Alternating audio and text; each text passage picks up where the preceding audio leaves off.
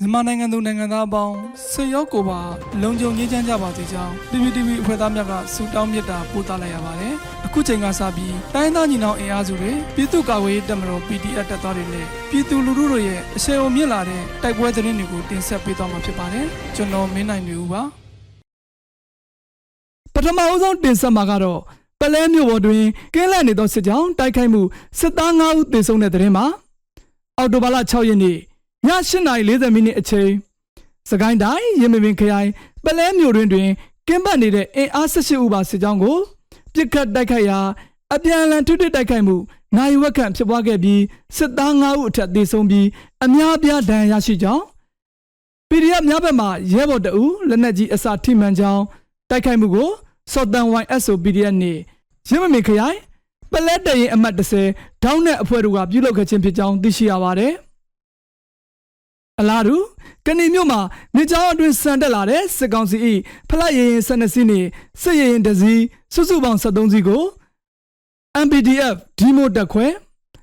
မိုးရကြားရင်တပ်ဖွဲ့နှင့်ဒေသခံပကဖများပူးပေါင်း၍လက်နက်ကြီးလက်နက်ငယ်များဖြင့်ပြစ်ခတ်တိုက်ခိုက်ခဲ့ရာစစ်ကောင်စီဘက်မှထိခိုက်ဒေဆုံးမှုရှိနိုင်ပြီးဒေဆုံးမှုဥယျာဉ်မသိရှိရသေးကြောင်းစစ်တပ်ဘက်မှရင်းနှစီးအင်ဂျင်များထိခိုက်ပျက်စီးသွားကြောင်းဒေသကာကွယ်ရေးတပ်ဖွဲ့များကသတင်းထုတ်ပြန်ထားပါတယ် ဆက်လက်ပြီးတပိတ်ချင်းတွင်ဆက်ကျွေးကောက်သည့်စစ်အရာရှိကားနှင့်လိုက်ထရက်ကားကိုမိုင်းဆွဲမှုစစ်သား9ဦးသေဆုံးတဲ့သတင်းတင်ဆက်မှာပါအော်တိုဘာလ9ရက်နေ့နနက်7:05မိနစ်အချိန်တပိတ်ချင်းမြို့နယ်မန္တလေးမိုးမိတ်လမ်းကျော်ကြောက်ဖြူကြီးရွာနှင့်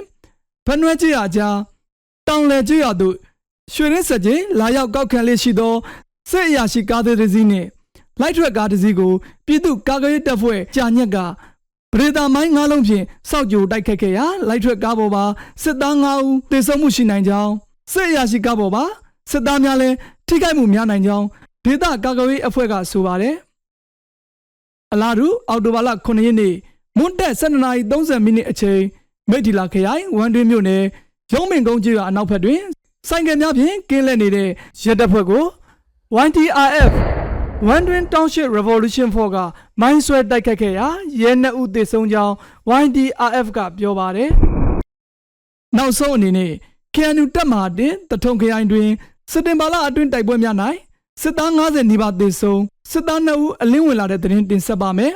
။ KN အမျိုးသားစီယုံ KNU တပ်မဟာတစ်တထုံခရိုင်တွင်စစ်တင်ဘာလတလအတွင်း၌စစ်ကောင်စီတပ်နှင့် KNN တပ်မဟာတစ်ပူးပေါင်းတပ်ဖွဲ့များကြားတိုက်ပွဲပေါင်း39ကြိမ်ဖြစ်ပွားခဲ့ပြီး စစ်ကောင်စီဘက်မှ48ဦးသေဆုံးက42ဦးဒဏ်ရာရကြောင်း KNU တပ်မဟာတစ်ကသတင်းထုတ်ပြန်ပါတယ်။တိုက်ပွဲများတွင်အကြမ်းဖက်စစ်တပ်ဘက်မှစစ်ကားဆယ်စီးပျက်စီးခဲ့ပြီး6လုံးပြတနက်တစ်လက်အမင်အမျိုးအစားတနက်နှစ်လက်ကြီးက8ခုကြီးစံ390တောင်းတို့ကို KNN ပူးပေါင်းတပ်ဖွဲ့ကတိုင်းစီရမိခဲ့ပြီး KNN ပူးပေါင်းတပ်ဖွဲ့ဘက်မှ9ဦးဒဏ်ရာရရှိကြောင်းသိရပါတယ်။ ယင်းအပြင်စစ်ကောင်စီကိုစွန့်ခါကစစ်သား2ဦးဟာလက်နက်နဲ့တကွ